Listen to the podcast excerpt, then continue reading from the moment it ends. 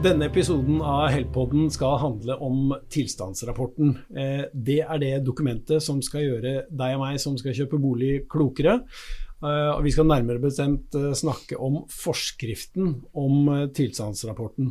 For Formålet med den det er at vi som skal kjøpe boliger, skal få få tilstandsrapporter av høy kvalitet, slik at forbrukere får et betryggende informasjonsgrunnlag før et boligkjøp. Sitat slutt.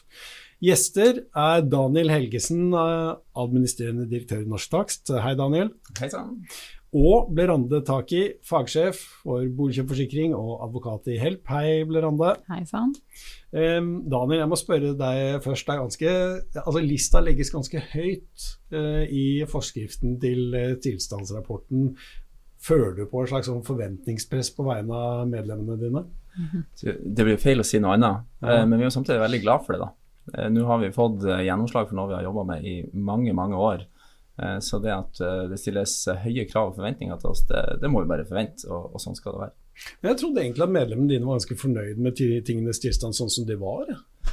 Ja, Medlemmene våre var kanskje det, men, men, det er klart at vi har et marked der ute som skal ha gjennomført trygge, gode bolighandler. Eh, og da kan man åpenbart gjøre mer. og Det er jo det man gjør nå, da, med grundigere og bedre rapporter. Mm. Det er heller ikke til å legge skjul på Blerande, at uh, vi i Help har vært pådrivere for endringene i avhendingsloven. Uh, og før vi går videre, uh, for at dette ikke skal bli for teoretisk, kanskje vi skal ta det kortet hva som er de viktigste endringene som har skjedd? Eh, ja, det kan vi godt gjøre. Er, og dere kan gjøre det i fellesskap? Ja. Det er jo en del endringer. ja. eh, vi, jo, vi har jo gått bort fra um, muligheten til å selge boligen as is. Det får i hvert fall ingen virkning hvis du selger boligen as is, eh, eller som den er forbehold. Mm. Um, og det innebærer jo at man overfører et større ansvar på selger, eh, og ikke kjøper, som man gjorde før. Eh, det er ikke lenger noen vesentlighetsterskel for å nå frem med et krav, eh, som jo er bra. Man har sett at det har vært eh, veldig mange tvister mellom boligselger og boligkjøper, og årsaken til det har jo vært informasjonsunderskudd. En av grunnene til informasjonsunderskuddet har vært dårlige tilstandsrapporter. Så nå har man jo vedtatt en helt ny forskrift i avvenningsloven som stiller, altså der inneholder bestemmelser om hvordan eh, hvordan den bygningssakkyndige, som det nå heter, skal vurdere ulike bygningsdeler, og hva som skal vurderes. Um, så det er jo bra. Ja, det, jo, ja. det må jeg bare si at det, det stilles jo strengere krav til selger, men også nå eh, til eh, kjøper. Det har strengt tatt vært sånn tidligere òg, men ja. nå står det jo i klartekst i, mm. i forskrifta også at kjøper er nødt til å lese gjennom. Eh, Mindre rom for å diskutere, i hvert fall, om ja. kjøper har en undersøkelsesplikt eller ei. Det er riktig. Mm. Eh, Daniel, eh, når det gjelder tilstandsrapporten, så kommer dine medlemmer i Norsk Takst eh, inn i bildet. Hvordan må de jobbe annerledes enn de gjorde før? Eh, først og fremst har de jo en forskrift å forholde seg til, ja. Eh, i motsetning til tidligere. Så kravene og rammene for oppdragene er jo eh, langt strammere og strengere, og også utvida. Det er mer som skal undersøkes nå, og, og grundigere. Så det er jo den, den si, begynnelsen på det, og vi må si at det er jo bra. Det er jo bra at det nå er myndighetene som stiller krav, for da er det absolutt lite rom for slingringsmonn, og, og veien til en god rapport er lagt. Mm. Og så må man jo si at mandatet de har fått, altså for jeg kaller det et mandat, denne mm. forskriften, den er jo veldig klar. Eh, det er lite rom for misforståelser. Den angir presist hva som skal vurderes og hvordan det skal vurderes. Um, ja. ja og, der er vi sånn eh, vi er ganske enige, og så er vi jo fortsatt der at, at forskrifta er nokså ny. Og det, det, kommer fortsatt spørsmål til hvordan skal man tolke, tolke den ene eller den andre bestemmelsen. Så på noen områder så kan vi nok tenke oss til litt klarlegging, men, men alt i alt så er det jo langt mindre rom for. For usikkerhet nå enn det var tidligere. Mm. Vi rekker ikke å gå inn på alle endringer og alle irrgangene i uh, forskriften, men uh, dere har jo begge juristbakgrunn. Uh, jeg skal begynne med deg, Blerande. Det, det, jeg legger merke til når jeg leser forskriften, er at den er ganske detaljert. Hva er, hva, er, på en måte de viktigste tingene som takstmannen nå må undersøke?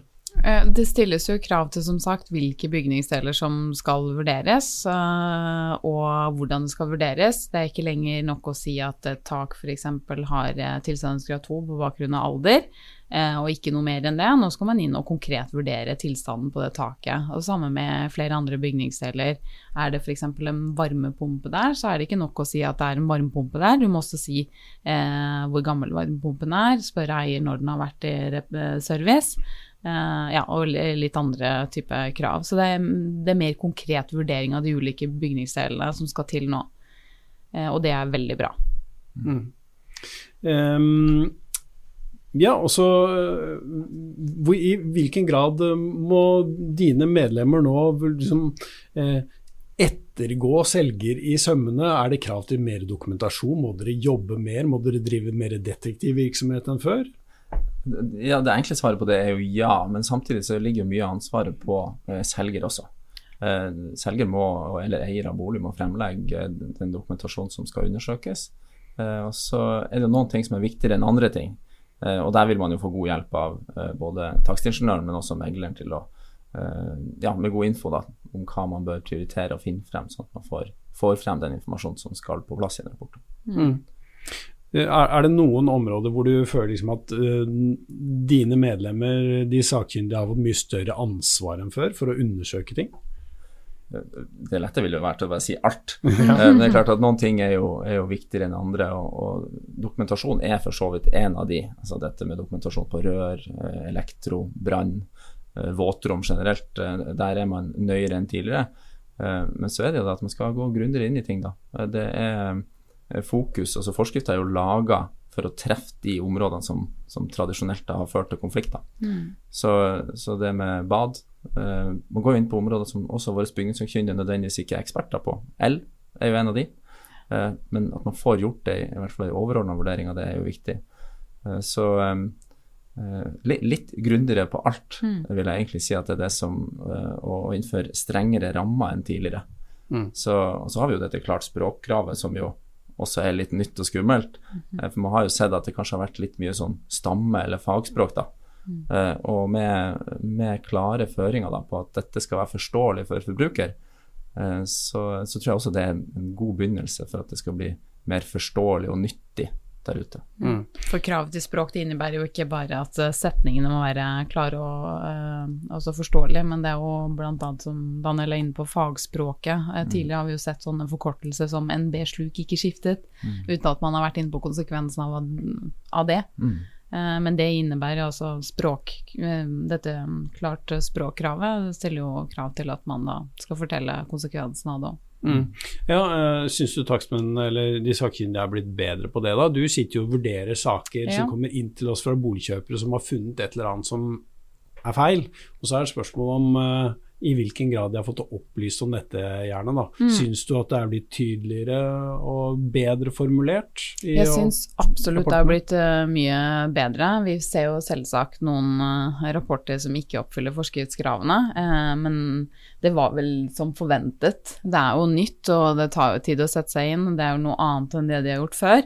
Um, så, men, men, det er absolutt blitt mye, mye bedre. Jeg ser rapporter som i Eh, større grad eh, omtale bygningsdelen som den fortjener, eh, enn å enkelt vise til en tilstandsgrad og si at bygningsdelen er så gammel, som egentlig mm. ikke sier kjøper noe særlig, da. Ja, mm. vi kan si at vi, vi har jo faktisk også utvikla en språkveileder, rett og slett for ja. å hjelpe disse mm. bygningssakkyndige til å, å, skrive bedre språk. Og så er jo ikke det gjort over natta. Så jeg vil si at Eh, med denne forskrifta og endringa i loven, så det, vi er jo i en liten sånn oppdragelsesprosess hvor, hvor egentlig hele markedet med kjøper, selger, megler og eh, takstingeniøren da eh, ja, er nødt til å, å, vokse litt inn i oppgaven. Mm. Så eh, jeg er jo glad for at du sier at det, det er blitt bedre, og enda bedre skal det bli. Eh, for vi eh, også sammen med dere skal jo lære litt av disse rapportene som du er laga, og se hvor det er forbedringspotensial, for det, det er det helt sikkert ennå. Mm. Får håpe vi ikke blir arbeidsledige. Eh, dere har begge snakket om tilstandsgrader, um, og en ting som har irritert meg litt, er at jeg sliter ofte med å forstå helt hva som er utgangspunktet for tilstandsgradene. Er det slik at hvis det står tilstandsgrad 0 eller 1, så er bygningsdelen relativt ny, eller er det sånn at uh, den sakkyndige kan ha vurdert dette taket eller dreneringen eller hva det nå gjelder, som så mirakuløst god stand til tross for at den er veldig gammel. Altså Hvis det er null, så er det, er det jo relativt nytt. Da. Det er Ja. Ja. Hvis det er én, så kan det jo være av, av, litt eldre dato, men da eh, i god stand. eh, og ikke utover det man, det man kan forvente. Det er ikke noe skader på det. Mm. Så, så, det er jo null og én er bra, men, men null, da skal det også være nytt, og i enkelte tilfeller også dokumentert. Mm -hmm. Du, eh, jeg har dokumentert eh, Før vi går videre, så har jeg bare lyst til å, gripe fatt i det. For du sa i stad at uh, kravene er skjerpa egentlig på alle punkter. Og mm. særlig når det gjelder dette med dokumentasjon. I hvilken grad er du nødt til da å gå Altså hva slags type dokumentasjon snakker vi om, og hvem skal du få den fra?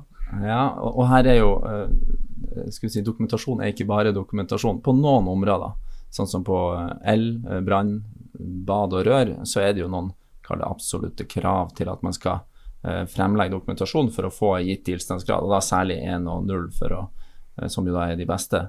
Eh, mens på andre områder så er det jo mer sånn på nice to have-basis, altså hvis selger og eier av eiendommen da kan fremlegge dokumentasjon på at kledninga er bygd av, av dyktige fagfolk, eller andre ting for den saks skyld, så er det også positivt, men ikke noe must eller noe man trenger å og grave i, ukevis for å finne frem, for det, det, trenger ikke ha så mye å si for, for tilstandsgradene. Mm. Men det er litt feil å si at uh, dokumentasjonskravet er skjerpa, for det har jo alltid vært det altså, i teknisk forskrift og etter plan- og bygningslån. så det er jo konsekvensen av manglende dokumentasjon som, um, som det nå står noe om i, i forskriften. altså Da får jo eh, bygningsdelen omtale deretter. Mm. Um, ja. Og så må man ikke blande si, tilstandsrapport og forskriftskrav med, eh, med, myndighetskrav til bygg, altså teknisk mm. forskrift. Og, eh, så, eh, for det er ikke alltid de henger sammen. I, I, noen grad gjør de det, i andre tilfeller ikke. Og, og i noen tilfeller kan man jo faktisk også ha det sånn at alt er bygd etter datidens krav, men ikke tilfredsstiller kravene i forskriften. Mm. Og det trenger knapt å være dagens krav heller, men altså at det er stilt forskrifter og denne standarden som ligger bak, stille noen minimumskrav for å få de gode tilstandsgradene. Mm. Og Det betyr ikke at det er noe galt, det betyr ikke at eh, du heller må gjøre noe tiltak med det, men det er et varsel om at det kanskje ikke er så bra som det burde mm. være. Mm. Jeg syns egentlig ikke det høres ut som advokatene blir arbeidsledige med det aller første allikevel. Men for f.eks. For i forskriften så, ser jeg at det er et punkt om ulovligheter. I, i hvilken grad skal du uh, undersøke om det faktisk er godkjent, det du ser da når du er på befaring. Ja, og dette er jo en av de mer utfordrende områdene når alt kommer til alt. Ja. For her sier man jo at uh, den bygningssakkyndige skal undersøke, eller påpeke åpenbare ulovligheter. Uh, og i det så ligger ja. det at det må være åpenbart. Og hva er det? Noen er, noen er flinkere enn andre for den saks skyld, men uh, det er klart, våre folk er dyktige. De har vært ute i vinternatt før og, og og ser hva som er eh, lovlig og ikke, i mange tilfeller. Eh, så når takhøyden er for lav eller vinduene er for små, og sånt, så, eller det er for lav rekkverkshøyde og andre ting som, som, kan kalles for ulovligheter, så vil man jo ofte oppdage det. Men så er det jo alle disse grensegangene eh, som, som, kan være litt vanskelig, der det ikke er så åpenbart. Eh, og vi har vel en sånn kall best practice der vi anbefaler at man innhenter f.eks. tegninger få det gjerne fra eiendomsmegler som allerede mm. henta det inn, og se på de, for de kan fortelle veldig mye og, og luke unna de tvilsområdene. Uh, men det, akkurat dette er vanskelig. Det er en av de områdene hvor vi får en del spørsmål, og hvor uh, det kanskje må gjøres ekstra undersøkelser. For å, for å si om uh, et vindu er for lite eller takhøyden er for lav, så må du jo faktisk måle. Du må begynne å gjøre en, en innsats som egentlig ikke står definert noen plass. Mm. Og, og, da beveger du deg inn i, i noen arbeidsoppgaver som, som ikke er så klart definert. Og jo mm. mer det er undersøkt, jo kanskje mer åpenbart blir det. Så um, uh, dette jobber vi med, og får en del spørsmål rundt, og kunne nok sikkert også tenkt oss at det var litt tydeligere definert. Mm. Her er jo nøkkelen eh, god dialog mellom megler og den bygningssakkyndige. Eh, for det kan jo tenkes at megler også er usikker på hvordan man skal tolke noen tegninger, og ved mm. å legge frem for en bygningssakkyndig at man enkelt kan finne ut av ut av det. Så um, i større grad et samarbeid eller um, en prat, uh, dialog mellom uh, de to oppdragstakerne for selger, det hadde vært bra. Ja, det er, vi, det, må jeg si, det er vi veldig opptatt av. Og, og vi har god, god dialog med bl.a. Norges Eiendomsmeglerforbund, og, mm. og oppfordrer til egentlig å strømlinjeforme hele prosessen. både for å gjøre si, den mer effektiv i tidsbruk, men også for at den skal bli bedre og bedre opplyst. Da. For mm. man sitter på opplysninger som, eh, som, man kan dele med hverandre, som, som er nyttig. da. Mm. Ja, og så er det jo øh, stadige utfordringer, som du var inne på før vi satte oss i studio her også. En ferdigattest, hva betyr egentlig det? Altså det går, og, og, selv om noe er omsøkt, så er det ikke sikkert det er bygd akkurat slik det ble omsøkt osv. Så, videre. så det er, det, er, det er, mange mulige hindringer i veien mm. uh, for, en, for en bygningssakkyndig og en eiendomsmegler også. Um, hva tror du blir de viktigste problemstillingene framover, Blerande? Eh, definitivt eh, hvordan man tolker eh, om eh, en rapport er godkjent eller ikke godkjent. For det mm. fremgår jo av forskriften at eh, eh, rapporten anses som ikke godkjent hvis forskriftsbruddet er betydelig sett hen til mangelens art og karakter. Det står vel hvis mm. forskriftsbruddet ikke altså er ubetydelig sett hen til mangelens art og karakter. Eh, er den ordentlige ordlyden. Eh, og hva ligger i det, om den er ubetydelig til mangels art og karakter. Det vil eh, I mine øyne så oppstår det mange tvister der. Ja. Ja, og det er, vi, det er, vi, også veldig spent på hvordan dette blir tolka. For dette handler til syvende og sist om forbrukerne og det vernet de har. Og, og, det vil jo være veldig synd hvis små avvik i mm. rapportene skulle, skulle sette forbrukerne der ute i en vanskelig situasjon. Ja. Eh, så dette håper jeg man får klarlagt ganske snart, sånn at vi slipper å ha det hengende over rapporten. rapporten. Og så skal selvsagt våre medlemmer gjøre det de kan for å, å til enhver tid lage mm. Eh, de beste rapportene. Mm. Ja, og her er det jo også spørsmål om uh, hva blir Altså hvis det er et avvik da i rapporten fra forskriftskravene, uh, sånn som vi har vært uh, litt inne på også, vil det sette hele rapporten til side, mm. eller bare de delene av rapporten som, eh, de, som ikke oppfyller kravene helt? Mm. For det, det, er en, altså, Hvorvidt det er ubetydelig forskningsbyrd er ubetydelig eh, eller ei, det er jo én vurdering, men eh, så har man konkludert med at det er betydelig sett hen til mangelens art og karakter, og da blir jo spørsmålet om det er delvis eller hel Altså mm. er rapporten delvis godkjent eller ei? Mm. Eh, og skal man ta ordlyden i forarbeidet på ordet, så skal man jo fungere aktsom uvitenhet hos kjøper. Det betyr at man egentlig skal se bort fra rapporten. Deler eller hele rapporten. Det er litt sånn mm. uklart. Eh, og det er jo litt sånn Um, det lugger for veldig mange advokater å skulle se bort ifra noe, altså et avtaledokument som er der. Du har sett det, men du skal se bort ifra det fordi det er noe forskriftsbrudd. Uh, men det er nå engang det som står i forarbeidene. Um, ja, ja. ja, og, det er helt enig. Det, det lugger litt når, eh, når, det kan være noe galt med punktet om eh, tak, og så skal du ikke få gjennomslag for mm. når alt uh, eh, på bad. Altså, ja, ja, så vi, vi, får se. Vi er veldig, veldig spent på det, og, det er til syvende og sist eh, viktigst for forbrukerne der ute. Mm. Og så er det jo bare, hvis vi bare snakker om én bygningsdel f.eks., der har du kanskje notert en del avvik ved badet, men så har du ikke tatt hulltagingen, mm. eh, som du skulle ha gjort. Eh, skal du da eh, få et prisavslagskrav basert på feil ved det badet, når du visste om eh, mm. deler av avvikene? Det er vanskelige problemstillinger, dette her, og eh, det blir spennende. Jeg tror nok vi kommer til å litt, se litt spredt eh, rettspraksis eh, med det første, i hvert fall rettsavgjørelse mener jeg. Mm. Med det første, så får vi se om det blir, hva slags praksis det blir ut av det. Ansvarsforsikringsselskapene til de sakkyndige er vel også interessert i det der om hele rapporten skal settes til side f.eks. pga. en feil. Mm. Det, det, kan få konsekvenser for flere bakover i rekken òg. Ja, ja, absolutt. Altså, det, det, må jeg bare si at vi Eh, forsikringsselskapet til våre bygningssakkyndige de er jo veldig våkne og på for dette. Mm. Eh, og så er det heldigvis sånn at det ikke er kommet noen saker hvor, hvor, dette er satt på spissen. Mm. Så får vi se, se, etter hvert hvordan dette utvikler seg. Men eh, mm. et svar må vi ha, så slipper vi å ha den hengende over oss. Absolutt. Eh, Berande, du var inne på det, men det er én ting som det er blitt snakket mer om enn noe annet i forbindelse med forskriftsendringene, og det er hulltaking. Mm. Eh, det skal eh, bores hull i tilstøtende rom til et bad eller et våtrom, og så skal man undersøke om det er fukt der. Dette har skapt en god del forvirring. fordi noen har hevdet at man må bore i våtsoner og sånn, men det kan vi avkrefte. Altså, det, det mistenker jeg vel egentlig ikke noen av medlemmene dine for å tro. Nei. Nei da, i, den grad det var tvil, så er det altså da ingen som skal drive bore fra innsida av badet og, og, lage et svært hull i veggen. For guds skyld, ikke bryt membranen. Nei. Nei, og det skjer ikke. Men, men, det er klart at hulltaking har jo vært, vært en het potet uh, lenge før forskrifta kom òg. Mm. Uh, men det vi ser nå, er at det, det, går seg veldig godt til. Uh, tilbakemeldingene er det at Eh, det går stort sett alltid bra. Litt forklaring eh, for de som er mest interessert av, av selgerne der ute. Mm. Men så er det en gang sånn at tar du ikke det hullet, så er plutselig ikke den rapporten godkjent. Og er ikke rapporten godkjent, så får du plutselig heller ikke forsikring. Mm. Så det er veldig gode grunner, i tillegg til at det er jo et marginalt lite mm. uh, hull med en, en tetteboks eller et lokk som du setter utpå, så ser det egentlig veldig greit ut.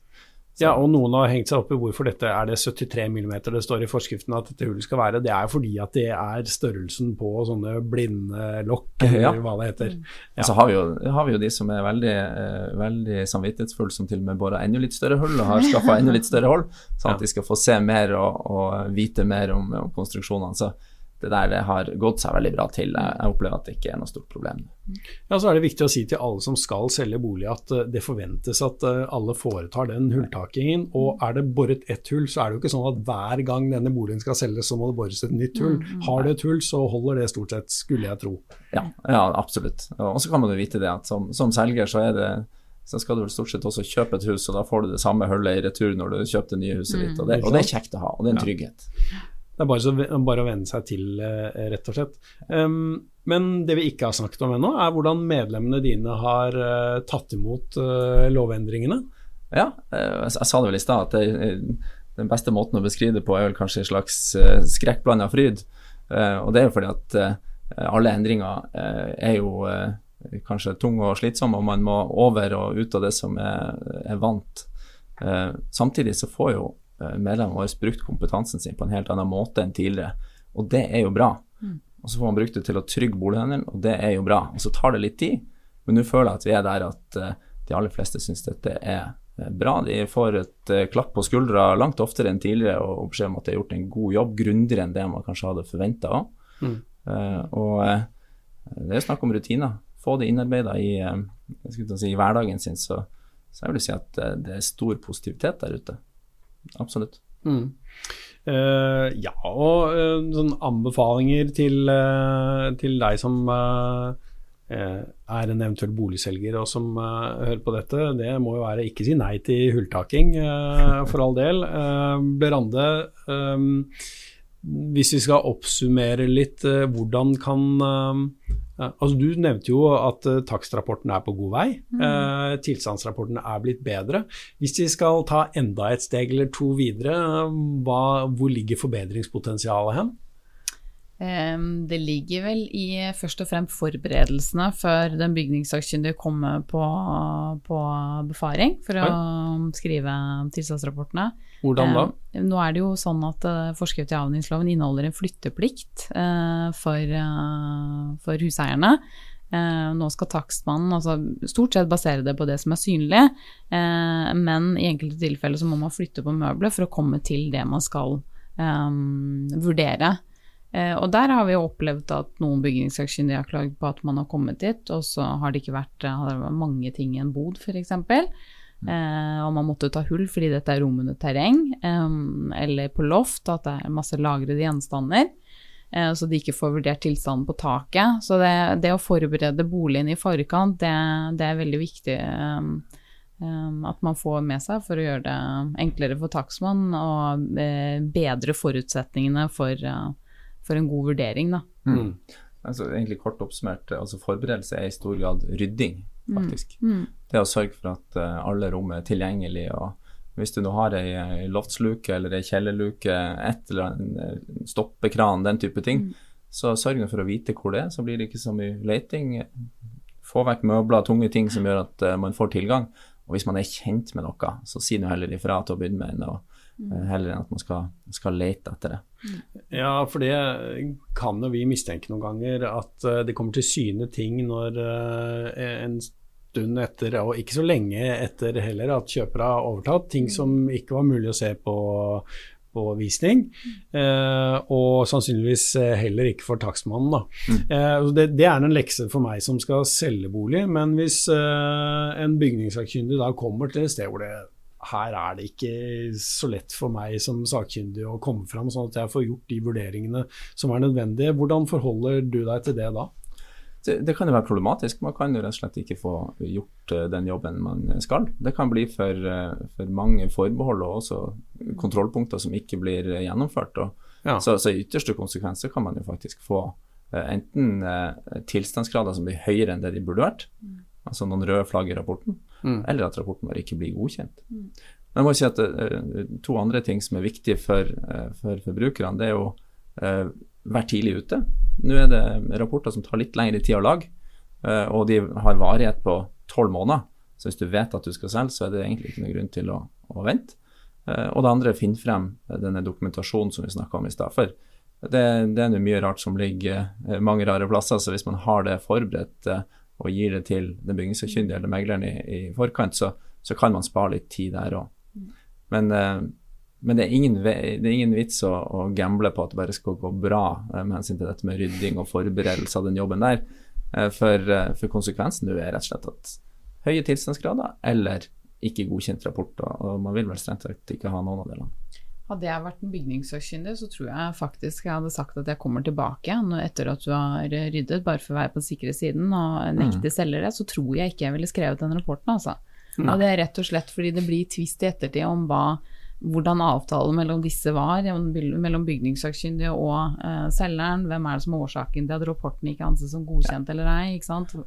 Helt riktig. Ja, mange, det er grobunn for mange tvister der. Mm. Ja, det, og, det, og, en rapport som ikke er godkjent har veldig liten verdi, så da har du egentlig kasta bort noen kroner. Så, ja. så, det er jo rådet også til våre eh, bygningssakkyndige at eh, ta nå heller den praten og, og kom tilbake. Ja, og det spørs vel egentlig om uh, den sakkyndige kan oppfylle det tydelighetskravet som er i loven også, hvis det ikke er mm. mulig å få undersøkt mm. bygningsdelene på en tilfredsstillende måte. Mm. Så det er negativt for uh, selger, og det kan være negativt for den sakkyndige, mm. uh, så unngå det. Um, er det noe mer vi er nødt til å si i anledning um, forskriften til avhendingsloven om tilstandsrapporter før vi runder av? Jeg vil si at uh, Den er jo der for å trygge handelen, så, så stol på den bygningssakkyndige. Og hør på dem, uh, ikke minst særlig i forberedelsene, sånn at du er forberedt, og still noen spørsmål. Det ser vi er våre bygningssakkyndige bruker mer tid nå enn tidligere på rett og slett å rådgi og forklare hvordan ting henger sammen. Så er du i så, så bruk nå også den bygningssakkyndige som rådgiver. Da håper jeg at uh, du som har sett eller hørt på denne utgaven av Heltpodden, enten du er uh, bygningssakkyndig eller er uh, boligselger eller kjøper, har blitt bitte litt klokere på Eh, de nye tilstandsrapportene og hva de skal inneholde, og kanskje litt om hva man skal passe ekstra godt på om man skal kjøpe eller selge, eller vurdere en bolig i tida som kommer. Tusen takk til Daniel Helgesen, eh, Blerande Taki, og til deg som har sett eller hørt på Help-podden.